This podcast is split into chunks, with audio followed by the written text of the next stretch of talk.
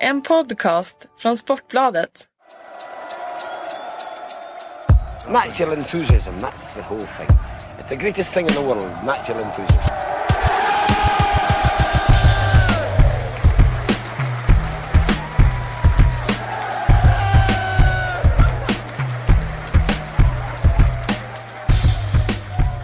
Då är det torsdag och då är Sportbladets Premier League-podd tillbaks som eh, ni har väntat och som vi har längtat.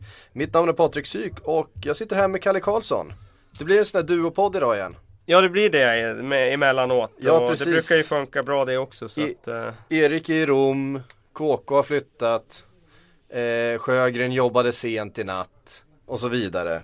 Då blir det du och jag. då blir det du och jag. Ja, eh, löser det. Vi har en hel del att prata om. Det har varit Champions League, det har spelats eh, Premier League. ehm, och vi kan väl börja med det som hände igår ändå. Eh, Manchester City tog det där halmstrået. Eh, Ja, som vi inte det. trodde att de skulle få överhuvudtaget. Eh, tack vare ett sent mål av CSKA förra omgången då. Eh, mot eh, Roma så fick man det här halmstrået och det tog man. Ja, jag har ju satt, eh, suttit och sagt här hela hösten att jag trodde att det här var året när City skulle eh, visa sin klass i Europa. Eh, och eh, halva hösten här har jag ju fått käka upp det för att eh, de låg ju verkligen skrynkligt till i den där gruppen. Och eh, Det såg ju verkligen eh, i princip omöjligt ut eh, ett tag där. Men eh, det är som att de, eh, Ja, de gjorde var- en Houdini-akt här, alltså ett mission impossible. Från att eh, ligga under med 2-1 hemma mot Bayern München och vända det. Bara det var ju en bragd. Även om Bayern slappnade av i det läget så var det ändå Bayern München vi pratade om. Ja. Och sen att eh, när de lyckas med det och sen till matchen igår när de har så många spelare borta, när de har liksom sina, inte bara fyra spelare borta utan det är verkligen deras fyra viktigaste spelare. Eh, det är, eh, de hade verkligen oddsen emot sig då och att de verkligen åker ner då och vinner nere i Rom mot ett starkt Roma. Eh, det. Som såg ändå lite tagna av stundens allvar ut tycker jag. Eh, Totti var ju inte så bra som eh, han har varit stora delar av den här säsongen, inte minst i Champions League. Nej, eh, det var han ju inte och det är klart att de har lite brister. Jag menar de har tappat sina bästa mittbackar nu de senaste året här och det är klart att det sätter sina spår. Men eh, det är fortfarande ett lag som eh, har varit väldigt, väldigt bra under Rudi Garcia. Eh, så att eh, jag ser det som en enorm triumf för City att åka ner dit och någonstans visa att det finns mer bakom de här superstjärnorna än, än vad vi kanske har trott. Och även om de har gått knackigt eh, och haft en del dåliga resultat så är det ju ett lag som vi vet kan slå vilket lag i världen som helst på en bra dag. Vi har ju sett det, eh, även om vi sa att Bayern München slappnade av lite grann eh, så såg vi ändå Manchester City hota dem och peta in några bollar. Eh, och det kan de ju göra på vilka som helst. De går ju inte in i eh, den här turneringen och fortsättningen nu som några favoriter förstås. Eh, vi pratade lite grann om det igår att eh, Bayern München och Real Madrid och Barcelona ser ju så fruktansvärt bra ut de tre. Eh, Ja, jag skulle nog hålla Chelsea också med den cuptränaren de har liksom vid bänken där och den erfarenheten han har skulle jag säga att de är nästan uppe bland, med den där Mm. trion när det handlar om liksom i de här enskilda, eller i ett dubbelmöte som, som det handlar om i Champions League. Att Chelsea är nästan på den nivån att de är där uppe också. Då är det de fyra tycker jag som sticker ut. Ja. Sen är det klart att City är i den där eh, gruppen bakom där precis. och City är ju sådär, med alltså, PSG det är ett sånt och... spretigt lag så att på en bra dag så kan de ju vara fullständigt omöjliga, alltså helt ospelbara. Alltså de kan Ja. vara så jävla bra. De kan ju, de skulle kunna sprattla till oavsett vilken lottning de får och slå ut vilket lag som helst. Så, Ja. så pass hög högsta nivå har de ju. Men, Men det är en eh, förutsättning att de här spelarna faktiskt eh, spelar. Jag tänker på Agüero, jag tänker på att David Silva i form, en Yahya Touré som tar lite fler löpningar än man kanske har gjort den här säsongen. Ehm, jag tycker också James Milner ska nämnas i den här, som har, Ja. stundtals har varit helt fenomenal. han är outtröttlig alltså. Ja. Jag satt och kollade på honom igår och det är liksom Visst, han kanske inte är eh, så elegant alla gånger och han är tekniskt begränsad ibland men Alltså ha en spelare som löper så mycket som han gör och löper för andra på det sättet som han gör. Han, han inser ju att hans chans att få spela i det laget det är att han tar ett jobb som andra inte är beredda att lä- lägga ner. Och det gör han ju och det var en av anledningarna till att de åkte ner till Rom igår och vann. Mm. Och om Nasri stänker in dem på det där viset så Ja, Nasri har ju varit bra nu här ett par matcher faktiskt. Där han har visat den här formen som han stundtals gjorde förra säsongen. Ojämn spelare ju. Mycket ojämn men eh, ruskigt begåvad när han väl lägger den sidan till. Och eh, igår var han ju, det var som att han tog på sig, var tvungen att ta på sig den där rollen nu när andra spelare inte var där och som han kunde luta sig mot. Och då tog han det fullt ut på ett sätt som, ja det var fantastiskt att se. Mm. Ehm, och så finns det ju en massa andra förstås fantastiska fotbollsspelare i det där laget. Äh, det ska bli eh, väldigt spännande. Eh, City som knappade in lite grann i, eh, i helgen också. Eh, på Chelsea som tappade poäng där och förlorade mot Newcastle. Ehm, Chelsea som annars har sprungit rakt igenom sin Champions League-grupp. Det har inte varit något snack överhuvudtaget. Nej, de fick ju en ganska allt, liksom. tacksam lottning också. Det fick de. Det, de ska ju springa över motståndet i den där gruppen och det har de Men det- gjort. men det är många de lag- har det är förväntningarna. Det, ja men precis, det är många lag som har haft grupper där de ska göra vissa saker och ändå inte gjort det. Ehm, men Chelsea har verkligen gjort det de ska. Eh, och ser, liksom har, har den där, har den där, den där tyngden eh, som man kan känna saknas eh, hos vissa andra. Ehm, ja vad ska vi säga om, om Chelsea igår? Ja, jag har inte sett den matchen ännu. Nej, det har inte jag heller gjort Men de, faktiskt, ändå men- städar ju undan dem på ett enkelt sätt. De fick chansen att, att lufta lite reserver. De fick Ja. chansen att lyfta fram en egen produkt, vilket såklart är glädjande. Och det måste vi ju såklart eh, nämna. Ruben Loftus-Cheek, bara det namnet gör ju nästan att han för mig stiger han ju nästan upp i topp på namnlistan är i, i jätte- Premier det är League ett nu. sjukt bra namn. Alltså, det är ju ett namn, det är ett riktigt stage name. Ja. Eh, 18 år, eh, egenfostrad. Första gången jag hörde talas om honom det var ju när han satte någon slags rekord där i, i vilken lön han skulle få som akademispelare där. Han, han bröt ju någon barriär där när han fick eh, Ja, vad det nu var han fick. Han fick ett kontrakt som var värt en miljon pund eller något sånt där. Mm. Eh, vilket eh, någonstans visade mycket av det som är fel med engelsk fotboll och liksom ungdomssatsningen att de här unga spelarna blir rika för tidigt och då, då, då tappar de i motivation istället. Eh, så det var första gången jag hörde talas om honom och sen har han ju eh, nu då gjort den här, eh, tagit det här steget som få inom Chelsea lyckas göra. Det är ju väldigt många som är talangfulla och så kanske eh, spås en lysande framtid men som blir utlånade och så kommer de aldrig tillbaka sen. Nej precis, Eh, de hamnar i franska ligan. Ja men typ. Eh, så är det, eller holländska är det väl de, de, Ja, de flesta Vitesse. Från, i Vitesse ja, precis. Ehm, som sagt Chelsea, men bara ett mål och två insläppta då. Förlust i helgen, första förlusten för säsongen.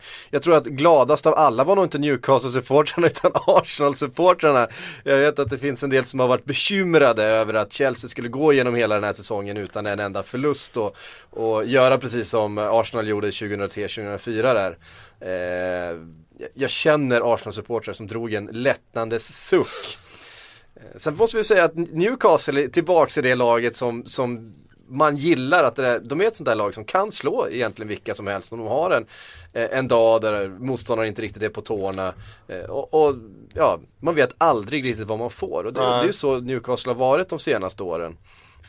Med undantag av någon säsong där, de, där man aldrig fick den där högsta nivån av dem egentligen. Eh, tycker jag känns lite bra.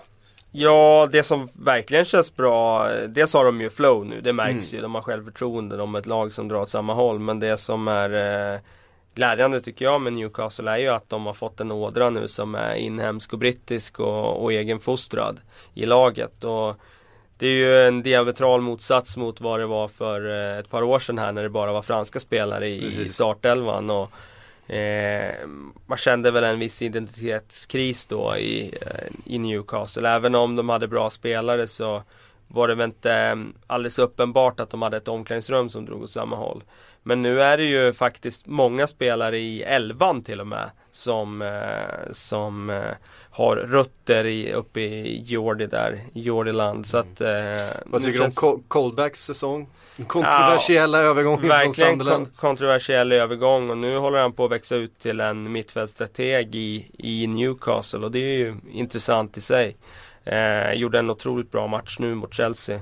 Eh, jag tycker han har varit upp och ner eh, sett över säsongen. Jag menar, ska inte glömma att Newcastle börjar ju väldigt svagt. Jag tyckte Mm. det var någon spelare som, som imponerade där då eh, egentligen. Men nu senaste månaderna har han varit en av dem som har stigit fram och och gjort det väldigt bra. Moussa Sissoko är eh, väldigt, väldigt nyttig tillbaka i den formen som han höll där när han kom till klubben egentligen. De var som allra bäst och sen har han väl haft lite eh, sviktande form sedan dess. Coloccini tycker jag var briljant här nu mot, mot Chelsea också. Mm. Roligt också med lillebror eh, Amiobi. Eh, det är ju en, det är ju alltså namnet är ju så Newcastle eh, som det bara kan bli. Men det ska vara en vara Abiobi Abiobi där. ja. i eh, Newcastle. Ja, eh, ja men det är kul. Eh, vi rör oss till tisdag och så försöker vi koppla ihop då eh, de två lag, eh, brittiska lagen som spelade Champions League på tisdagen, Arsenal-Liverpool med vad de presterade i helgen. För det finns eh, liksom lite intressanta växlar att dra där. Vi kan väl börja med eh, Arsenal som blev blitzade av Stoke. Vi har ju sett Arsenal bli överkörda tidigt i matcher, att de inte är liksom vakna riktigt. Eh, det brukar ju inte vara Stoke kanske som gör det eh, mot dem. Men, Ja, eh, och det brukar det väl nästan vara. Fan, Arsenal har väl bara tror på åtta senaste matcherna mot Stoke tror jag de har vunnit en gång. ja så kanske det är. Men, men just jag tänker på det här med eh, de här, att tidigt att liksom in, i första halvlek släppa in eh, tre bollar. Vi såg det några gånger förra säsongen eh, hända. Eh, och Wenger fick ju ta en del kritik då för att, eh, att spelarna inte var tillräckligt motiverade eller rätt liksom förberedda för att eh, vara beredd på en tidig anstormning. Ja, det är ju intressant tycker jag när, när just när Stoke möter Arsenal för att eh, det är som att eh, de vet ju exakt vad de ska göra då. Det är skicka fram Peter Crouch i anfallet. Då är det inte Mame Biram Diouf som spelar någon slags kontringsspel där utan då är det in med Crouch. För de vet att, de, att Arsenal har problem med den typen av fysisk eh, styrka i boxen. Och sen är det den här längre bollen upp och nicka och Arsenal man ser ju att de, de, de trivs inte med att möta Stoke. Och eh, ja, det var ju ytterligare en triumf för den fysiska fotbollen mot Arsenal. Eh, sen var det ju en känsla i andra halvlek tyckte jag av att nu är det en vändning på gång här. När de gör 3-2 där så kände man ju att nu kommer det ju bli 3-3 och, Det är ju och så, lätt, det är ju 3-4. så lätt att man också. rasar då som spelare när man har släppt in de där två. Man blir så nervös om sina poäng. Stoke var ju väldigt, väldigt nervös då. Man såg ju på Begovic att han, eh, upp, han insåg allvaret någonstans där när de eh, liksom började släppa in mål där och så. Eh, sen kom ju den där utvisningen och det kom väldigt olyckligt och Chambers som vi hyllade så mycket i efter Community Shield-matchen, eh, kanske efter första omgången där. Han har ju faktiskt eh, vacklat rejält senaste månaden. Han, eh, han blir eh, eh, avslöjad lite för ofta. Det här var ju också ett sånt där fall där han, han hinner inte med Bojan helt enkelt. Nej. Bojan Eh. som har varit otrolig. Jag tänkte vi skulle prata lite mer om Bojan eh, om en liten stund där. Mm. Så vi kan väl komma tillbaka till honom. Men eh, det, det man kan säga om Callum Chambers och det som man kan säga om alla unga spelare är att de har en sak gemensamt. De är ojämna. Man, man kan inte förvänta sig eh, liksom vecka ut och vecka in att få samma prestation av en, ja som i det här fallet då 19-åring eh, på den här nivån. Eh, Vi har ju sett det hos, hos samtliga de här stora talangerna. Vi har sett Ross Barkley, vi har sett Raheem Sterling, vi har sett eh, Janusaj göra plattmatcher. Eh, fastän de ju förstås har en otrolig kapacitet. Ja, det, liksom det enda undantaget jag kommer på nu det var ju Luke Shaw när han spelade SA-15. Då var ju han extremt jämn och det var ju därför han fick så mycket hyllningar. Just för att han var ung och levererade vecka efter vecka efter vecka. Då har vi istället fått en, en formdipp på honom den här säsongen Mm. i, i Manchester United. Eh, visserligen eh, lite andra omständigheter då med, med flytt till ny klubb och andra för, förutsättningar och förväntningar och sådär. Eh, men Arsenal tog ju någonstans, någonstans revansch på sig själv eh, i tisdags då i Champions League. Eh, genom att eh, köra över, fan nu står det still i huvudet på mig, vilka var de? Galatasaray. Galatasaray var det ju. Eh, Lukas Podolski, fint mål, påminner lite om eh, Nasris där mot, eh, mot Roma. Ja, det här var ju ett riktigt Podolski-mål. Alltså han har ju en jävla slägga, det går ju inte att komma ifrån. Och så fort han får lossa den så, så kommer han ju göra mål. På tal om slägga. Aaron Ramsey. Den, eh, Ja, den, den, den, är helt, den är helt sjuk. Ja, den är helt sjuk. För att man, den första tanken man får när han skjuter det är såhär, vad fan skjuter han för? Ja. Alltså det är, alltså, vilket dåligt beslut att skjuta. Ja. För den där landar ju på familjeläktaren. Och det brukar den ju göra 99 gånger av 100 i det Och det är så fallet. dåligt beslut att skjuta för det är folk liksom där framme. Det finns, han har liksom andra alternativ känns det som. Att det är, det är ett uppflyttat lag. Vad händer där om det är en studs och så blir det kontring på det liksom. Men Ja, det är tekniskt sätt att få till det där skottet när bollen studsar som den gör. Ja, det är, det är en once in a lifetime träff. Ja. Eh, Alltså, ja, det, även man, för Aaron man, Ramsey. Ja men man har inte sett många skott. Nej, inte av, på av det den, sättet. Av, av den kalibern. Inte på det sättet, alltså att det är ett fel fot och att den, eh, när den studsar så som den gör, att han får den träffen. Det, ja, det är otroligt. Ja, definitionen på en drömträff. Eh, måste ju vara veckans mål. Vi har ju sett några vackra, vi har sett Nasri. Vi, Ja, det är vi, så, vi såg Gerards frispark och Ja, så det är vidare. veckans men, men jag menar det här är på en Det, egen nivå. Ja, det är det. Det här kommer ju vara ett av de eh, snyggaste distansskotten eh, över hela det här året i fotbollsvärlden. Ja, utan tvekan tvekan. Utan tvekan. Um, Wenger har fått ta en del skit eh, den här helgen. Eh, Ska vi ta och eh, lyssna lite grann på hur det lät efter eh, Stoke-matchen? Ni har ju säkert hört det allihop men vi kan väl i alla fall bara uh, friska upp minnet lite. Samuel, look at the lads. Joe, leave! Do the best thing, leave! Get out while you can, Joe! Yeah, mate. Here it is, here it is, here it is.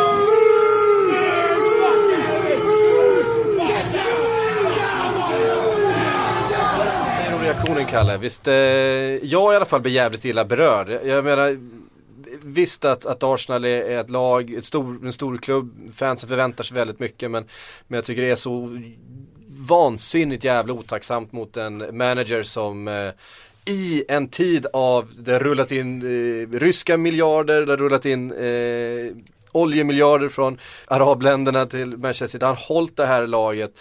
Eh, vi har sett eh, Manchester Uniteds dominans och alla den, deras pengar.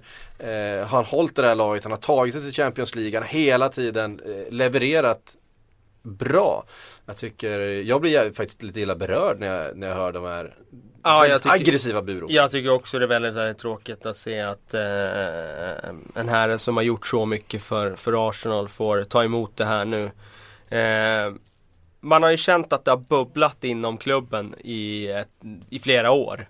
Den här eh, ja, eh, frustrationen över att man inte kan ta nästa steg. Och på det sättet är jag inte förvånad över att det kommer men jag blir ändå ledsen när jag ser att eh, Wenger som eh, någonstans eh, är Arsenal through and through och har lidit med den här klubben och verkligen känner så mycket för den här klubben Mm. får ta emot det här på det här sättet. Det är fel sätt att eh, vädra sitt missnöje på. Jag menar det, det han Jag tror han, inte han, någon vill att han ska få sparken nu. Men däremot så, så är det ju en växande skara som... Jag tror att det finns jättemånga som vill att han ska få sparken. Eh, Ja men som, som, som vill att han i alla fall ska gå efter säsongen. Där känner jag att det är en ganska stor skara nu som, har- som inser att ja, det kanske är så att eh, man ska klippa banden i, i sommar. Men att sparka Wenger nu mitt under säsong, alltså, det, det är klart att det finns de också, absolut. Men jag tror att de ändå är ganska få. Eh, för jag menar, Wenger måste ju räknas som en av klubbens absolut största profiler eh, genom alla tider. Menar, han, har, Ja, han, det har det. det han, är, han har tränat den här klubben i, vadå, 15 sen år? 96. Eh, ja precis, det är 18 år. Det är 18 år.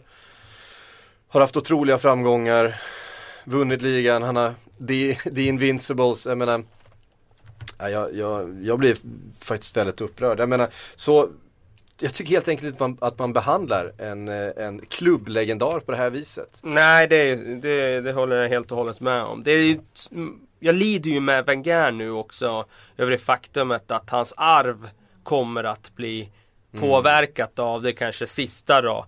Det som riskerar att bli hans sista insatser i klubben. Att, för det är ju så att det sista man gör det, det påverkar ju ofta hur, hur man ser på hela sessionen. Och eh, jag hoppas att, eh, att eh, vi kan minnas de här stora stunderna. För jag menar det är han som har byggt om Arsenal från den liksom lite mer traditionella eh, till, eh, klubben till den här supermoderna i, i, det förändrade fotbollslandskapet. Han har gjort det utan att dra på sig, som Liverpool United gjorde, jätte, jättestora skulder.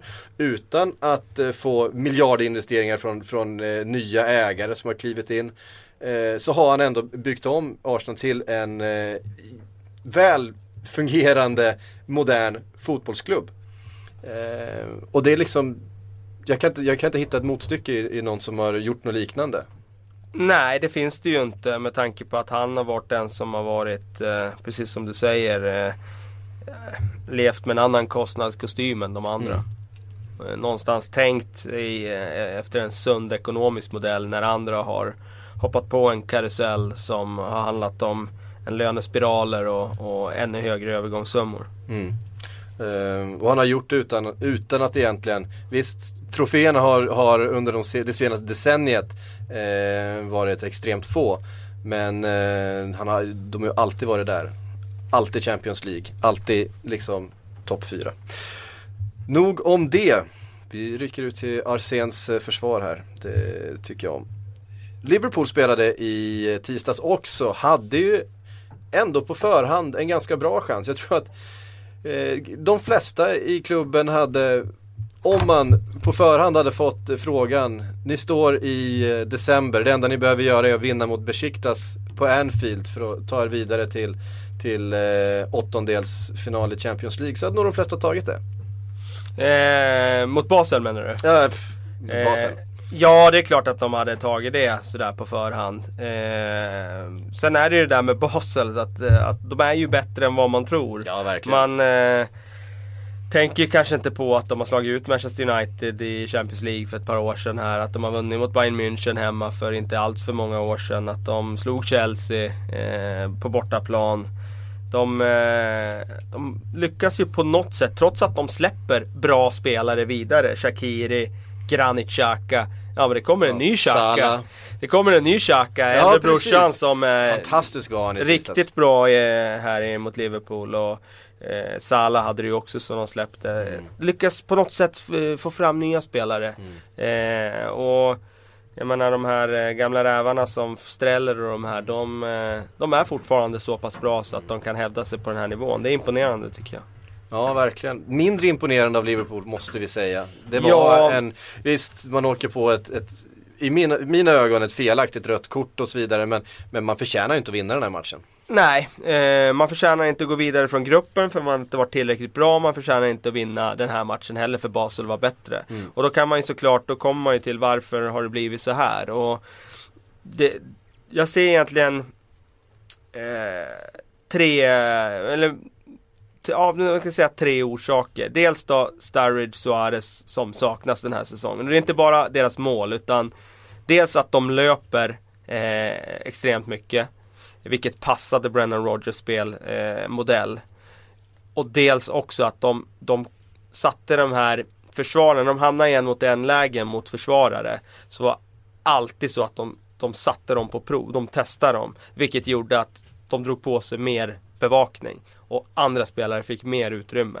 Nu när Rich, Ricky Lambert får ett en mot en läge så blir det oftast, det blir en eh, säkerhetspassning i sidled eller bakåt. Mm. För att han kommer inte kunna göra det som eh, Sturridge Suarez gjorde. Jag tycker det är en liksom, stor, stor eh, liksom, avsaknad av den där individuella kvaliteten. Sen nummer två är att eh, att spelarna de överpresterade eh, förra säsongen. Det var, det var som att eh, de spelade som i trans. Eh, vissa av spelarna. John Flanagan, Henderson. Eh, ja, det, var, det var flera som gjorde det. Och, och nummer tre då att det var, det var en sån där säsong när, när alla bitar faller på plats plötsligt. Eh, allting studsar eh, lagets väg. Man får en sån där säsong en gång då och då och det, det är inte så ofta. Och det är frågan när, när bollen börjar studsa Liverpools väg igen. Den gör ju inte det nu uppenbarligen. Uh, så att uh, det är väl de grejerna som, uh, som jag ser som skillnad mot i fjol. Mm. Rogers väldigt pressad. Eh, precis som i eh, Arsene Wengers fall så finns det många som vill, som vill se honom eh, gå. Eh, han har väl hyfsat stöd ändå från The Cop eh, med tanke på förra säsongen. Eh, de som lobbar för att eh, Rogers ska få kicken är förhållandevis få än så länge och inte speciellt högljudda. Eh, det dyker alltid upp i affekt sådär efter en, efter en tung förlust. Eh, och sen så har de flesta ändrat sig till, eh, till nästa match. Men eh, något som han har fått kritik för är ju nyförvärven och väldigt få av nyförvärven har ju fått förtroende nu. Eh, vi, vi har sett de senaste omgångarna, visst nu var Kolo Touré skadad så nu fick eh, Lovren eh, sin plats tillbaks där i försvaret. Gjorde det väl helt okej okay mot eh, Basel tycker jag. Eh, men Egentligen så är det bara Ricky Lambert som har fått kontinuerlig speltid den senaste Ja, han tiden. skulle ju inte spela om Och han är ju liksom tredje, tredje alternativ då bakom Egentligen. Balotelli och Sturridge. Ja. Eh, men en sån som Lalana måste väl undra? Ja, det tycker jag är lite konstigt för Lalana tycker jag ändå efter liksom sin inkörningsperiod i början, började med skada där och sen inkörningsperiod så tycker jag ändå att han har ju ändå eh, visat glimtar där man ser någonting. Och så har han börjat gjort lite mål och poäng. Mm. Vilket är viktigt. Mm. Eh, och ändå får inte han förtroende att spelas in. Det tycker jag är lite konstigt. Mark faktiskt. Markovic hämtades för stora pengar. Vi såg när han fick chansen efter halvtid mot eh, Basel så var han riktigt bra mm. fram tills eh, utvisningen. Mm. Eh, har ju nästan inte spelat. Han har inte spelat en minut eh, sen Real-matchen väl? Nej, ja, han har gjort några inhopp har han gjort. Men, eh, men eh, har ju varit väldigt långt från startelvan. Mm. Eh, det där är lite bekymrande. Emre Can ja. har också varit väldigt bra chanserna han har fått. Eh, inte fått förtroende istället. Så är det Lucas Leiva, det är Gerard, det är Joe Allen, det är Henderson. Eh, som får fortsätta. Och Raheem Sterling förstås, han är väl den enda som egentligen han är supergiven. Ja, har, har gjort en godkänd, har ja. gjort en godkänd säsong så här långt. Är bubblan, är, är liksom, har bubblan spruckit? Bubblan har ju på sätt och vis spruckit. Sen handlar det för Brendan Rodgers om att hitta tråden igen. Eh, för mig skulle det vara konstigt att, att, låta honom gå med tanke på att då ska man in någon annan och jag ser inte riktigt vad, vad som skulle kunna vara bättre eh, eh, i nuläget med tanke på att han uppenbarligen lyckades få, få ordning på det där eh, skeppet förra säsongen med ganska små resurser och ganska tight eh, trupp. Eh, det, för mig är det ganska uppenbart att, eh, att Brennan Rogers ska få tid på sig och, och, och försöka lösa den här situationen. Eh, sen, eh, man vet aldrig eh, i dessa tider men det, jag tror ju att FSG är så pass långsiktiga så att de, eh, att de behåller honom även efter den här säsongen. Det har viskats om eh, AVB. Ja, jag såg, det där, jag såg det där ryktet men för mig är ju Brennan Rogers ett säkrare inom citationstecken alternativ än vad André Villas-Boas är. För att eh, vad, vad han presterat i klubbar som Chelsea, Tottenham när han fått chansen i, i toppklubbar i Premier League. Inte mycket.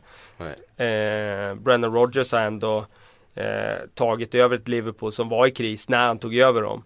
Eh, en för, efter en första säsong där han byggde så lyckades han nästan bärga titeln under sin andra säsong och var, blev vald till ligans manager. Så att han ett halvår senare inte skulle vara värd vatten och, och få, få gå, det tycker jag känns märkligt. Ja, eh, det gör det verkligen. Kanske Sam Allardyce Det skulle vara alternativet då. Eh, West Ham fortsätter, de klamrar sig fast där uppe. Eh, vid något tillfälle trodde man att nu har väl ändå luften gått ur liksom och nu, nu kommer de börja rasa. Men så är de där och nu ligger de trea. Ja det är yeah. helt otroligt faktiskt att de gör det. det Southampton eh, dansade på ett tag eh, och lyckades eh, hålla sig kvar i toppen. Eh, när de började få ett lite tuffare schema här och, mm. och börja förlora matcher så så är det jättekul att det är ett lag, en outsider som fortfarande hänger i där uppe. Och jag kommer ju att eh, jubla eh, så länge West Ham är kvar där uppe för det är alltid roligt när det är någon uppstickare sådär som gör livet surt för de stora. Och Andy Carroll, man har ju lidit med den stackars Andy de senaste säsongerna, han har varit så otroligt skadad, han har inte fått liksom ut eh, någonting av sitt spel, han floppade i Liverpool och, och eh, jag menar, man har ju saknat den där Andy Carroll som slog igenom i Newcastle. Och nu fick han den här matchen. Nu fick han den här matchen. Och där, där allting stämde. Och han fick spelet som han, som han behärskar så väl. Ja. Men det är svårt att hitta en, en, eh, mer, en bättre targetspelare faktiskt. Ja, nej, man får ju gå tillbaka på liksom Jan Koller-tiden. Liksom. Ja. Det, eh, det är... Eh, Det är Bierhoff-klass på de där nickarna alltså. Ja, det är det ju. Dessutom att han nickar dem i mål, exakt. Alltså, Koller var ju väldigt stor och stark och svår att tampas med i targetmomentet. Men Carroll är ju Ja, väldigt två- ofta 2-0-2 där. eller vad var han? Ja, Eller han var han? ja eh, kanske har krympt nu på ålderns höst. vet man inte. Någon centimeter. Eh, nej men Carroll är ju ett monster i targetmomentet såklart. Men nu, eh, han nickar ju även bollar i mål och det är ju ack så viktigt. Eh, Men, man, men man, man måste ju ifrågasätta försvarsspelet eh, vid ett par tillfällen. Att, att låta Andy Carroll av alla människor få stå helt ren i straffområdet och knoppa in dem. Det är ju underkänt. Det är underkänt och det är klart att eh, det ser alltid dråpligt ut på repriserna när någon får nicka själv och det, det går snabbt och sådär. Men det är klart att eh, Ja, är de måste vara mer måste no noggranna liksom. Eh, det är klart att, eh, att de måste vara, se upp med, med motståndarnas farligaste huvudspelare. Så är det ju liksom. Mm. Men eh, det finns ju mer i West Ham än Andy Carroll. Det är ju eh, alldeles otroligt vilken värvningssommar de har gjort. Jag menar, en är Valencia, en fullträff. Mm. Diafra Sakho, ska vi inte prata om. Jag menar, Alex Fra- Song. franska andra ligan gör mål i Ja. varje match. Alex Song är ju alldeles för bra för West Ham egentligen. Alltså det, det är ju så.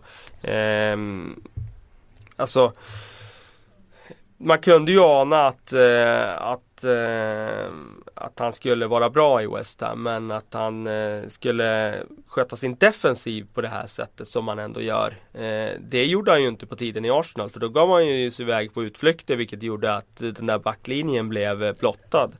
Och sen åkte han till Barcelona och gjorde väl sådär ifrån som man ska vara ärlig. Eh, han spelade några säkra passningar i sidled när han kom in. Mer än så var det ju inte. Ehm, men han har uppenbarligen eh, utvecklat sin taktiska disciplin där nere i Katalonien. För att eh, nu ser vi ju en komplett defensiv mittfältare. Stor, stark, duktig passningsspelare. Det var han förut också. Men nu när han dessutom positionerar sig mycket bättre. Och nu spelar han ju dessutom i deras diamant spelar han ju som ensam defensiv mittfältare. Han har ju ingen eh, annan sittande mittfältare bredvid honom som kan täcka upp. Så att nu eh, ligger ju verkligen stort ansvar på honom. Och han löser det väldigt, väldigt bra. Eh, frågan är ju bara vilken klubb som går in och, och budar stort på honom här efter den här säsongen. Ja. Eh, Det finns några med behov just eh, på den positionen. Ja, alltså just Inte nu, minst Arsenal. Ja, exakt, nu ser han ju ut som den spelaren som Arsenal behöver. Ja. Sen är det ju så att, eh, jag vet inte fan om Arsenal vill ha tillbaka honom. För att han betedde sig inte så proffsigt när där han valde att gå. Nej, och, så är det eh, verkligen. han var ju inte så bra defensivt eh, när han var i Arsenal som sagt som, som han skulle behöva vara där. Som han är idag. Nej absolut. Nej men det, eh, tillbaks till West Ham då så är det ju, eh, det är ju fantastiskt att se Ja. dem. Aaron Cresswell har vi inte nämnt men vänsterback värvad från Championship Ipswich. Eh, spelar som en full fullblodig Premier League-spelare. Ja. Eh, var, gjort en väldigt, väldigt stark höst också. Och en stark backlinje. Verkligen. Vi får se där med Winston Reed. Ja, Kan vara så att han går i januari. Eh, och det skulle ju såklart försämra West Ham eh, avsevärt. För att Bo- han är ju eh, fältherren där bak. ja. Både Arsenal och Liverpool ryktas de. Vi, vi ska säga så här, vi ska inte gå in på det därför att på måndag så är det nämligen eh, comeback, återkomst, premiär för Sillypodden. Eh, så håll utkik på måndag, då är, då är den podden tillbaks. Då ska vi grotta ner oss i Winston Reed ska ni veta. Um, vi lämnar West Ham där. Och så går vi över på en fråga från Carl Cederqvist. Eh, det här är en eh, fråga som vi har berört eh, tidigare. Nykomlingarna ligger sist i Premier League. Är det ett resultat av tv-pengarnas uppdelning? Lagen i nedre halvan är finansiellt starkare än förut. Ehm, ja, det där är, en, det där är ju en diskussion förstås. att de som lyckas hänga kvar säsong efter säsong. Även om man är på nedre halvan så får man ju väldigt mycket pengar utav det här tv-avtalet. Eh, pengar som inte alls i samma utsträckning eh, lagen som kommer upp från Championship eh, får och har.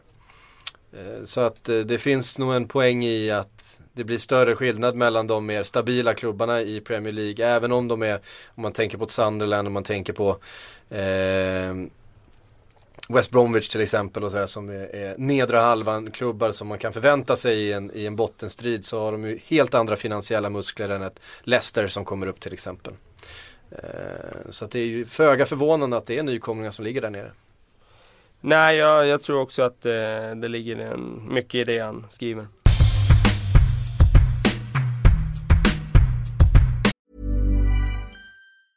Selling a little or a lot? Shopify helps you do your thing however you cha-ching. Shopify is the global commerce platform that helps you sell at every stage of your business. From the launch your online shop stage to the first real life store stage, all the way to the did we just hit a million orders stage. Shopify is there to help you grow. Shopify helps you turn browsers into buyers with the internet's best converting checkout. 36% better on average compared to other leading commerce platforms because businesses that grow grow with Shopify. Get a $1 per month trial period at Shopify.com slash work. Shopify.com slash work.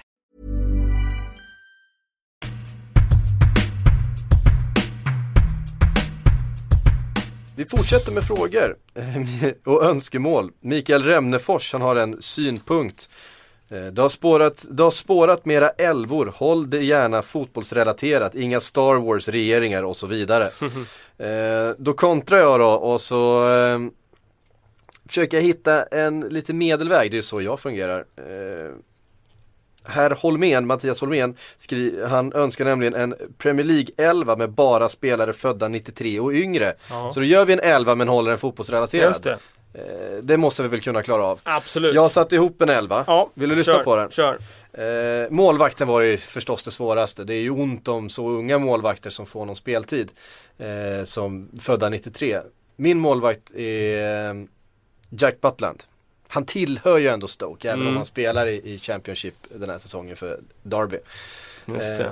Jake Alnwick då som hoppar in för Newcastle, är han 93 eller? Du det vet jag inte. Det Jag är, det är mycket upp det. möjligt att jag har missat honom. Ska kolla upp det, men Eh. jag skulle tro att Butland är strået vassare faktiskt. Men, Butland har, är, ju väldigt lovande. ja. Eh, Och Courtois, han är 92 Han är eller? 92 Ja. precis.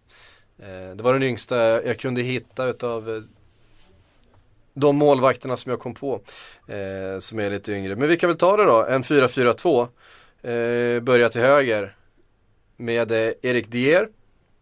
Tottenham Mm. som högerback. Mhm. Callum Chambers och John Stones bildar eh, mittlås eh, försvaret. Mm. Och Luke Shaw till vänster. Vänster, ja. Eh, en eh, mittfältsfyra med Raheem Sterling, Ross Barkley, eh, Oxlade Chamberlain och eh, Adnan Januzaj. Mm. Och eh, anfallsduo då med Harry Kane och Romelu Lukaku. Mm. Eh, och en bänk med Berahino, Bentaleb, Mankio, Ward Prowse och Nathan Redmond. Mm. En liten offensiv, eh, offensiv Men bänk. Nathan Redmond är ju inte i Premier League. Nej det är han ju förstås inte. Så att han, eh, Han- får han går ju bort. där. Han får stryka där. Du behöver en reservmålvakt där alltså. Du Ja, kan jag, ta... jag, jag har fan inte hittat någon. Du, Ja, Okej. Alltså det är, jag kunde inte komma på en enda Premier League-målis som är född 93 eller senare. Ja, Okej. Jag ska kolla här med Jack Alnwick när han är... Han är född 93. Han är, så- ja, men då har vi ju en reservmålvakt där då. Precis. Han kanske kan, kan gå in före Butland eftersom han faktiskt har Jag måste ju säga att Berraino skulle jag ju ta framför både Harry Kane och Lukaku sett till den här säsongens prestationer. Eh, så att eh, för mig är Berraino rakt in i elvan. Annars tycker jag väl att elvan ser bra ut. Det, det är inte så mycket att, att diskutera där tycker jag. Ward Prowse. Nej, Han petar ju ingen Nej, han petar ingen av dem på mitten där. Eh, det gör han inte. Inte Bentaleb heller. Nej, det gör han inte. Ja. Vad bra, du, jag, jag fick inte så mycket. Nej, sen är det ju så att man vill ju gärna sitta och fundera lite grann på det där och gå igenom och det har inte Ja. jag gjort nu så det, man Nej. kommer säkert komma på något namn som bara ramlar ner här om någon timme eh, att eh, just det, han borde ju ha varit med. Men eh, sådär spontant så kommer jag inte på någon. Nej. Eh, har ni någon som ni tycker... Eh, Ruben Loftus-Cheek kommer säkert någon eh, klämma in i någon, på något sätt. När, när är Shelby född? Eh, han är Han är 92 90, Han är va? 92 va? Jag tror det. Jag tror det. Annars hade han ju tagit plats på den där bänken. Kan jag, eh, Davis. Swansea. Eh, vem av dem? Den unga. Fan heter Ben Davis? Ben, ben Davis. Han har ju gått till Tottenham men han är inte så ung. Visst han är i Tottenham nu. Ja. Eh, så är det. Ja, har ni namn som ni vill stoppa in där så eh, hör av er. Gör egna älvor. Det är ganska kul. Eh, Mikael Rangfeldt eh, skriver, gå gärna in på vem ni håller som november månads bästa spelare. Oj. Sergio Agüero. Ja, jag skulle precis säga, Agüero har ju varit var ju brutal under, under november. Ehm, även Di Maria, väldigt bra. Men eh, Ah, tidigare va? Det var tidigare än det november var han kanske var bra. oktober som Ja. han hade sin eh, riktiga topp där. Eh, Måns Johansson skriver sannolikheten att Southampton tvingas slä- släppa några av sina tongivande spelare till ett krisande Tottenham eller Liverpool. De har ju byggt en speciell eh, räls från eh, Southampton Ja. upp till Liverpool där för bara, bara spelare. Eh, så att eh, de, de är upparbetade de kontakterna. Jag skulle säga att eh, risken att de tappar dem nu är liten. Januari. Däremot så till sommaren vet man ju inte om det läggs upp en massa stålar. Så. Men eh, den som skulle kunna bli aktuell det är ju Jade Rodriguez då som kommer tillbaka från skada och som Mm. kanske är lite överflödig om Pelle nu har tagit första platsen där framme och de har alternativ där med Mané och Tadic och så vidare. Eh, Så kan det absolut vara. Rasmus eh, Kauto eh, vill att vi ska plocka ut det bästa five-a-side-laget med bara spelare från Premier League-tiden. Eh, och en manager till det. Eh, Gianfranco Sola måste ha varit en fantastisk five-a-side-spelare. Alltså Han får en vara- futsalspelare. Ja det borde han ha varit. Paul Scholes tror jag också att jag skulle vilja ha en sån Svår att ta bollen från. Ja, ja precis. Eh, jag tror ju att en sån som eh, Eh, Coutinho ska ju ha varit en Ja. väldigt, väldigt duktig Coutinho, futsalspelare. Cou- Coutinho kan man tänka sig också. Eh, Jag kan tänka mig också att en sån som faktiskt Robinho Mm. som var i sitt, eh, han är ju också uppvuxen med futsal så Mm. att han också är ruskigt bra i futsal. Men eh, om vi ska ha någon defensiv De- de- spelare. Deco har ju spelat i, i eh, brasilianska landslaget som, eh, ungdomslandslaget som futsalspelare också. ja, okej. Eh, Eller det, jag vet inte vad det var för brasilianska eller portugisiska. Han är ju brasse eh, från början som blev portugis. Just det. Så jag vet inte ifall det, vilket, men jag vet att han, har- att han har någon, någon futsallandskamp som eh, tonåring Ja. På CVt. Men vilken försvarare vill man ha då? Om man tänker en riktigt bra teknisk futsalförsvarare i Premier League. Alltså du vill ju ha en, i, i futsal vill du ju ha en Paul Scholes längst bak. Alltså någon som kan styra spelet. Ja. Eh, eftersom alla försvarar ju kollektivt på ett Ja. sätt. Så att, eh, du behöver ju inte ha någon som kan nicka, du behöver inte ha någon som eh, kan glidtackla och, och, och, Ja. och, och tajma djupledsbollar eh, direkt. Utan du behöver någon som kan styra upp spel mer och som, som kan vara eh, bra på att täcka skott och så vidare. Ja. Så jag tror att eh, Paul Scholes som, som, en, som en regista där hade ju varit eh, helt magisk med, ja men med en, med en Sola till vänster och Coutinho till höger och så kanske Robinho längst, längst fram då. Ja, just det. Mm. Men det känns som att vi fick ihop en rätt bra fyra där. Att, jag, jag tror att de hade varit, eh, jag tror de har gjort bra ifrån sig Ja. i, i vilken futsalturnering som helst. Ehm, Josef eh, vill veta mer om Agüero, eller han vill att vi ska diskutera. En världsstjärna när han spelar men ofta skadad och då gör man ju inga mål. Eh, är det dags för City att leta ersättare? Ja, det, vi pratat om det tidigare att när de släppte Negredo där i somras så blev det lite tunt på Alfan-sidan. Nu har de ju egentligen bara Agüero och Dzeko som out and out strikers. Och Jovetic finns ju såklart där bakom. Jag ser inte att Jovetic skulle spela en som ensam forward eh, i Citys uppställning. Så jag tycker ju att det finns plats för en tredje där och det skulle ju gärna kunna få vara en John Guidetti för att eh, de behöver ju egentligen ingen mer spelare i världsklass där utan det skulle ju vara en sån här tredje val som accepterar att få sitta på bänken ibland. Eller rätt ofta rättare sagt och, och göra sina inhopp i kupperna och kanske någon minut här och där. Eh, så att som truppbygget är nu så kanske det finns plats för en Gudetti eller någon eh, annan typ av ung spelare där. Mm. Eh, absolut. Eh, det slog mig precis att jag hoppade över min Bojan-punkt i eh, körschemat före vi gick in på frågor. Vi måste prata lite Bojan, känner jag, eh, som kanske är december månads största utropstecken så här långt. Ja, nu har inte på, december pågått så länge men eh, vi har väl i alla fall spelat en eller två matcher i Mm. december och eh, han eh, är i riktigt, riktigt bra form. Eh, jag måste ju eh, hålla upp handen där verkligen och, och erkänna att jag var fel ute. Jag trodde inte alls på att han skulle Vi kunna- raljerade ju lite över den värvningen i, i våras här när det började ryktas. Ja, dels för att eh, alltså, det finns en tendens tycker jag när man har spelare som stämplas som supertalanger och sen misslyckas de i en klubb och så misslyckas de i nästa klubb och sen händer det ingenting på flera år. Då blir det ju lätt att det blir en Freddy Adu av det. Eh, men eh, Bojan har ju verkligen visat nu att han är en toppspelare när han verkligen vill. Sen är, behöver han ju inte vara så bra så att han är en toppspelare i en toppklubb. Jag tror inte att han kanske kommer tillbaka till Barcelona och gör avtryck där. Men eh, så som han spelar i Stoke nu så kan han ju ta steget till en större klubb i England i alla fall. Och, Ja, eh, det är ju bra, tvekan. bra det. Eh, Han stod ju verkligen och stampade i sin utveckling under flera års tid. Mm. Efter den där supersäsongen han gjorde. Så, han gjorde ju 10 mål i La Liga som 17-åring. ja. Så att eh, efter det har det ju verkligen, alltså stagnerar han ju verkligen. Ja, jag tycker han visar upp ett, eh, ett stort forwardspel, alltså som, som eh, bollförare, som målskytt, eh, som framspelare, alltså som verkligen en eh, nyckel i hela Stokes anfallsspel.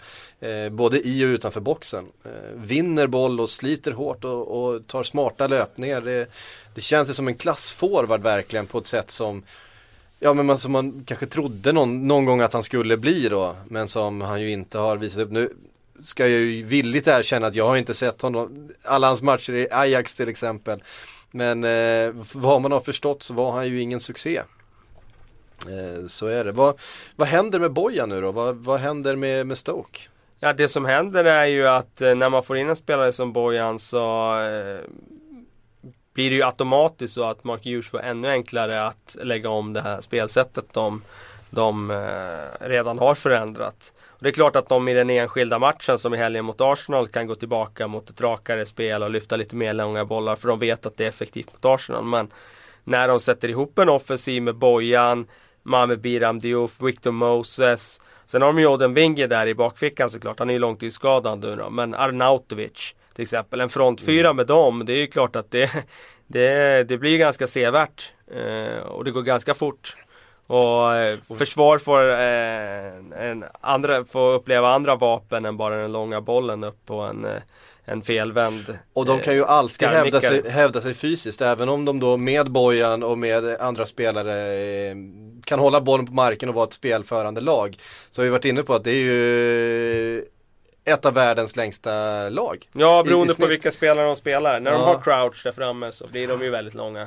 Ja, exakt. De har ju en väldigt fysisk ådra där bak med Shawcross och, och ehm, Hoot och ehm, Cameron och de andra. Så att eh, det är klart att Mm. Och nu, även- nu kombinerar de faktiskt bästa av två världar Ja. eh, ibland. När För, de men som det, är ju ingen, bäst. det är ju ingen som kör över Stoke fysiskt, även om de kan spela på ett annat sätt så är det ju ingen som ska tro att, att eh, jag tror han, när de ställer sin längsta elva så har de en snittlängd på 1,88. Vilket finns, det, finns ju, det finns ju lag i, i eh, toppfotbollen som inte har en enda spelare som är så lång. Nej. Med, kanske med undantag av målvakten. Nej. Nej, det, är- det är häftigt faktiskt. Eh, och sen den här segern de tog nu i helgen var ju väldigt viktig för att det som varit eh, lite ovanligt med Stoke nu då, det är att de har gjort bäst re- resultat på bortaplan. Slagit Tottenham borta, City borta. Hemma har de inte alls varit lika bra. Det är ju till exempel stryk mot Burnley hemma. Och där Britannia har inte varit det här fortet som det har varit tidigare år. Men nu fick de ju en sån här match där de hade publiken i ryggen, de körde över ett storlag i första halvlek. Och eh, den här fear-faktorn är lite tillbaka med Stoke. Man känner ju att de bygger ju upp det med en sån där seger mot Arsenal. Jag vet inte om ni såg Sky Sports här i veckan men Jamie Carragher, slaktar ju Per Mertesacker fullständigt här för hans insats. Han gillar att göra det. Han gillar, han gillar att slakta spelare, Jamie Ja. Carragher. Det, det, det, det gillar man ju också med tanke på att Ja. de flesta X-spelarna de vågar ju inte eh, göra det. Han tar Men inga fångar. Han tar inga fångar. Nej. Oavsett om det är Liverpool eller andra. Det är liksom Absolut bara rakt inte. av. Eh, det var väl ungefär så han spelade fotboll också. Eh, han kunde ge vem som helst på plan, inklusive Steven Gerrard, en avhyvling. Ja. Om, om de inte gjorde Och det de gillar skulle man ju. de- Defensivt. Ja men det gillar man ju. ja, jag älskar det. Ja, absolut. Ehm,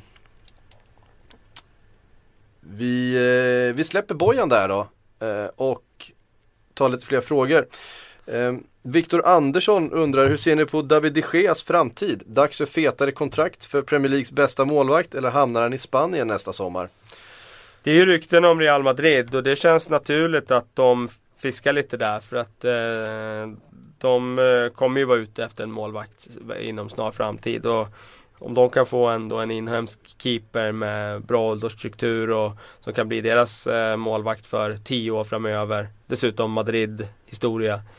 Det är klart att de eh, kommer att liksom fiska lite där.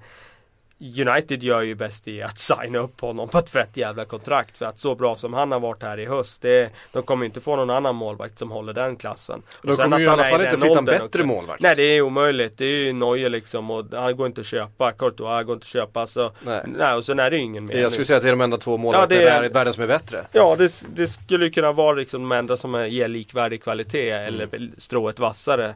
Och eh, när det sker dessutom är så ung som han är så eh, det är ju bara, alltså de måste ju ha kvar honom. Mm. Eh, så är det. det. Det är svårt det här med målvakter. Det, eh, det är ganska gott om dem på, på marknaden ju, som vi har varit inne på. Eh, ganska mycket andra målvakter med eh, bra kvalitet det, som ja men det eh, får man säga att det är. Jag menar Keylor Naves går ju och sätter sig på Real Madrids bänk. Willy Eh, Caballero. Pet- Ja precis, Willy Caballero går och sätter sig på Citys bänk. Check Mm. sitter på Chelseas bänk. Och det är klart, det är ju tre klubbar som har resurser och, Och stålar. Och, och, och Spinga går och sätter sig på Arsenals bänk. Och, eh, sen är det väl i och för sig vissa klubbar då som kanske skulle behöva en ny målvakt där det saknas målvakter. Liverpool är väl en av dem. eh, där lär vi också få anledning att spekulera på måndag. Ja. gissar jag. Eh, Kalle Abrahamsson, ehm, han vill prata West Ham. Eh, bör West Ham flytta från Upton Park med tanke på all atmosfär och trygga hemmabas som de kommer lämna? De ska ju byta till den här eh, nybyggda, I Stratford ja. ja precis, som man byggde till OS. Mm. Eh, som ju faktiskt kommer eh, vara en arena med löparbanor. Eh, för det ska de väl inte bygga om, vad jag har förstått. Eh, men blir också en, en arena som kommer ta betydligt fler supportrar eh, och åskådare än Upton Park gör idag. Ja, alltså det är klart att eh, det har funnits motstånd mot den här flytten såklart. Eh, man eh, kan absolut se en poäng i det han säger med att det där är verkligen West Ham-land där.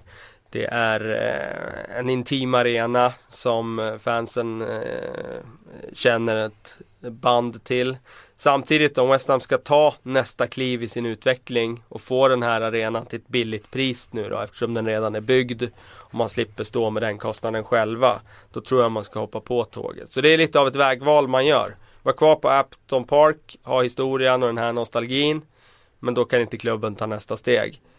Ska klubben ta nästa steg, ja de, då, då är ju arenafrågan är ju hur viktig som helst. Det har vi ju sett nu när, när Liverpool eh, planerar sin utbyggnad av Anfield. Vad det ger i pengar per säsong. Visst det kostar jättemycket själva investeringen men det är ju ett engångsbelopp eller ja så.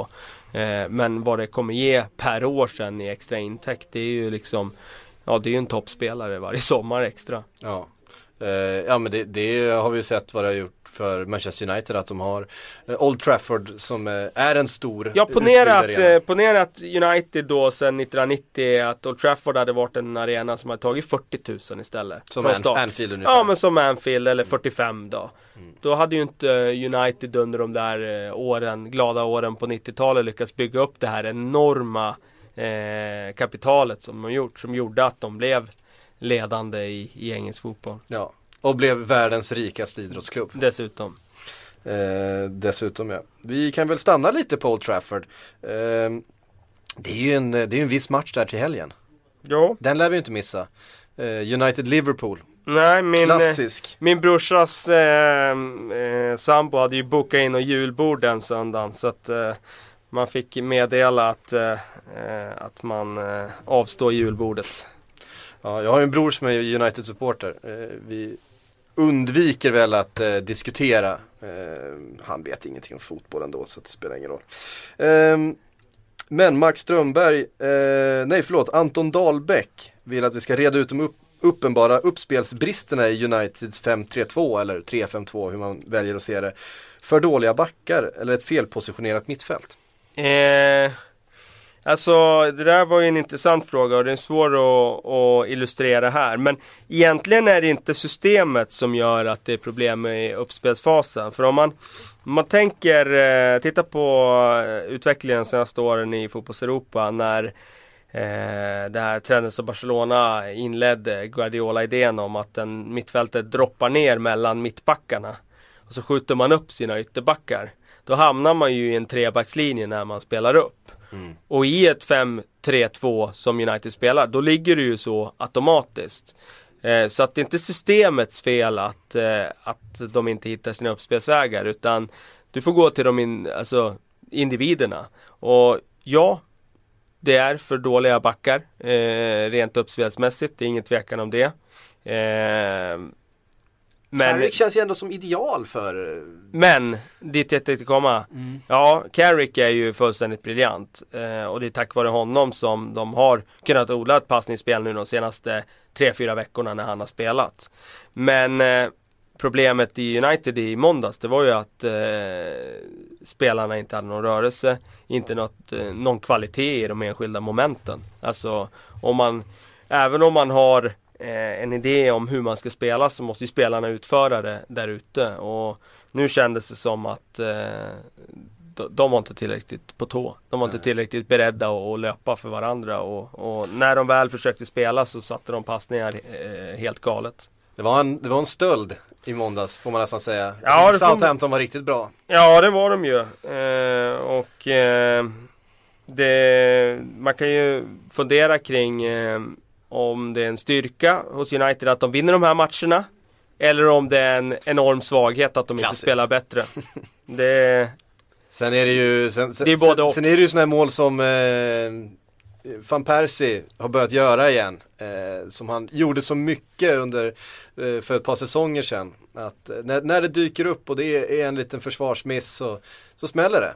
Det är väl det som är det positiva för United nu att Robin van Persie har kommit tillbaka i någon slags målform för att det var tack vare honom de vann senast. Och eh, kan han nu börja peta in lite bollar. Carricks har styrt upp mittfältet redan. Och så nu då med, med backlinjen då om, om de kan få tillbaka lite spelare där så, så då kan det ju se riktigt bra ut. Sen tror jag fortfarande inte att de har någonting att göra med titelstriden för att eh, då måste det se avsevärt bättre ut än vad det gjorde mot Southampton även om de vann senast. Eh, men eh, då, då, då, kan det se riktigt bra ut för dem när det gäller fjärdeplatserna. Tankar inför söndag då? Ja, de är ju favorit inför söndag. Det är de ju. Men eh, med tanke på hur svagt de spelar Eh, både den här matchen och även vissa matcher tidigare så det går ju aldrig att ta någonting för givet när det gäller United nu utan de har en lång skadelista fortfarande. De har spelare som eh, i måndag såg ut som eh, League One-spelare. Fellaini var ju en fullständig katastrof. Och han har vi ju hyllat här nu några veckor för han har tagit chansen, han har fått den. Han har visat att jo men han liksom har någonting att bidra med till det här laget. Men nu i måndag så var han ju Eh, han har uppenbara problem när han sätts under för stor press alltså. Det, ja. det är... Han hinner inte med i defensiven när han möter snabba spelare. Nej. Då blir han ju avslöjad. Sen en eh, aspekt med Fellaini som jag har fastnat på det är att han tenderar att allt för ofta välja alternativ att spela bollen bakåt eller i sidled. När Carrick är så smart och så begåvad så att han kan hitta den här passningen runt och in mellan motståndarnas lagdelar. Och det är liksom Har du bara spelare på mittfältet som spelar bollen i sidled när du har spelare ur motståndarnas press och så kommer det i alla fall bara en passning i sidled Ja men då kommer du aldrig kunna ta mark och då kommer du aldrig kunna hota motståndarna och det jag upplever att det är problemet med Fellaini Medans Carrick när han eh, när han får styra och när han sätter de där passningarna så då hotar United framåt. Och eh, jag tycker att det är den egenskapen som gör att Fellaini är ingen United-spelare. Han kan inte spela central mitt i United. Han kan göra det i den enskilda matchen. Eh, han kan göra det som plan B när de ska framåt och han ska in och nicka i straffområdet eller vara stor och stark så. Men inte över tid så, tyvärr.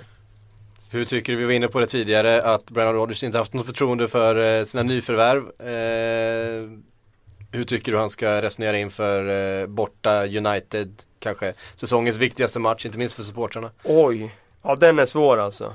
Den är svår. Ska han fortsätta liksom jobba med Lucas Gerard, Allen?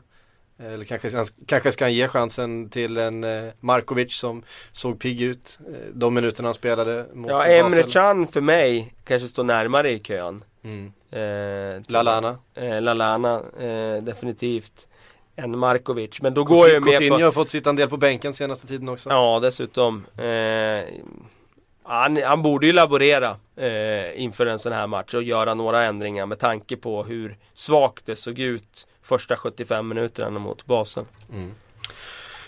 Eh, Max Strömberg undrar, kan det vara bra för eh, Liverpool att åka ut Champions League-gruppen och gå bakvägen genom att vinna Europacupen istället, alltså Europa League istället? Ja. Det ska man väl säga att det är inte speciellt lätt att vinna Europa League? Nej, jag tror inte att de gör det alltså. Det är, alltså om, om frågan är liksom, om de verkligen skulle vinna Europa League, ja då, då var det ju en bra lösning för att de skulle aldrig ha vunnit Champions League. inte, Nej, det liksom. kommer de ju inte göra. Så då är det ju bra. Eh, men eh, man kan väl säga så här, om drömmen är att de ska ta en av de fyra första platserna i Premier League och spela Champions League nästa år. Eh, Då ska de ju åka ur då tycker Europa League så fort det går. Ja, precis. Alltså, jag tror det är den snabbaste vägen till Champions League. Även om nu vinnaren i Europa League får en plats till Champions League. Så jag tror att det är för svårt att lita till det, faktiskt. För att ehm, det är tufft där alltså. Jag menar, såg du City för ett par år sedan när de åkte ut mot Sporting Lissabon va, tror jag. Eh, det, det, jag menar, United åkte ut mot Athletic Club de Bilbao i eh, Europa League. Det, det är tufft alltså. Mm. Måste jag säga. Ja, man det, såg, man tittar man på lagen från förra, förra årets final då, Benfica mot Sevilla så var ju det två riktigt väl fungerande eh, lag eh, som, som hade kanonsäsonger bakom sig och, och lag i, i den formen har Ja, ju, de ja, match- Liverpool idag inte på ändå. matchas kanske inte lika hårt heller i sin liga så. Benfica kanske kan slappna av i vissa matcher i, hemma i Portugal. Eh, Sevilla, beroende på var de ligger i ligan, ligger de och fjär, tampas om fjärdeplatsen, då kan ju de ha tufft i La Liga också. Men om de har en sån där säsong där där de kanske inte hotar upp ditåt, ja men då är det samma sak där. Då kan de fokusera mer på Europa League än vad man kan göra i England kanske. Eh, så, eh, Europa League det är lurigt för engelska lag. Mm, absolut. Har ju ett väldigt tufft spelschema. Så kommer FA-cupen snart och så är man liksom så här, så ska man spela ligacup och eh, det är väldigt mycket matcher de här månaderna alltså. Jo tack. Ehm, här är en rolig. Rasmus Sjögren undrar, vilken brittisk klubb har den grisigaste julfesten? Ja, nu får vi ju inte vara med på julfesterna så vi vet ju inte riktigt.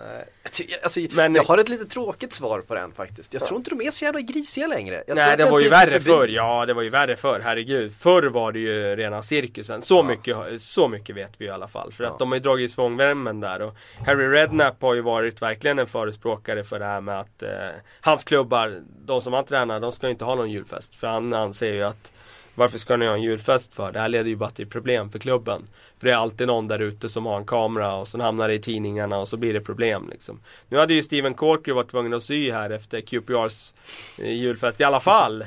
Så att eh, jag vet inte vad, eh, vad som hände där. Men det, det är väl den enda historien jag har hört nu av att eh, någon har att det har varit blodvite på någon julfest. Ja, precis. Men som men sagt, det- vi vet ju inte allt om alla vi vet julfester. ju, det vet vi verkligen inte. Men, men ehm, det är ju inte en helt irrelevant fråga. Det har ju gått vilt till på julfesterna Ja eh, men herregud, Premier vi är tillbaka runt millennieskiftet där. Det var ju alltid Julfesterna var ju alltid som eh, hot stuff i tidningarna liksom. Mm. Det var ju, man visste ju att det var liksom eh, eh, första sidesrubriker om lagens julfest varje jävla gång då.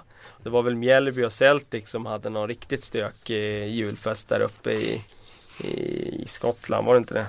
Jo, Eh, jag kommer inte ihåg detaljerna på rak arm nu men det låter, det låter väldigt bekant. Eh, vi kan väl avrunda då med en, eh, en liten spekulation. Så har vi det som en passning till måndagens eh, premiärpodd av Sillypodden. Eh, och den kommer från Arvid Önell Mattsson. Eh, han skriver så här, tror ni att Torres kan göra bra saker i Chelsea om han kommer tillbaks nu? Eller får han sin gamla roll på bänken? Eh, vet han något som vi inte vet? Eh, I sådana fall. Nej, jag tror inte att han eh, får någon annan roll än, eh, än eh, den som är eh, inne i frysboxen där bland isklassarna. Jag tror inte han kommer tillbaka till Chelsea. Utan jag tror att eh, någon klubb kommer att hugga honom nu. För att nu var det ju i... De värvade väl honom eh, 2009 va? Eh, Nej, 2011 va? 2011 måste, ja precis, 2011, ja. vinterfönstret 2011. De skrev femårskontrakt. Så han har något år kvar där då, såklart. Mm. Han har eh, ett år kvar då. Ja, Mm. ett och ett halvt ja. Så att, äh, jag tror att de får iväg han till någon klubb som är beredd att satsa på honom. Ta, för kanske betala delar av löner. Ja, Så. eh, förmodligen. Vet du vad Kalle? Nu är jag hungrig och tänker äta lunch. Det gör du rätt i. Ja, så hörs vi om en vecka igen. Tack!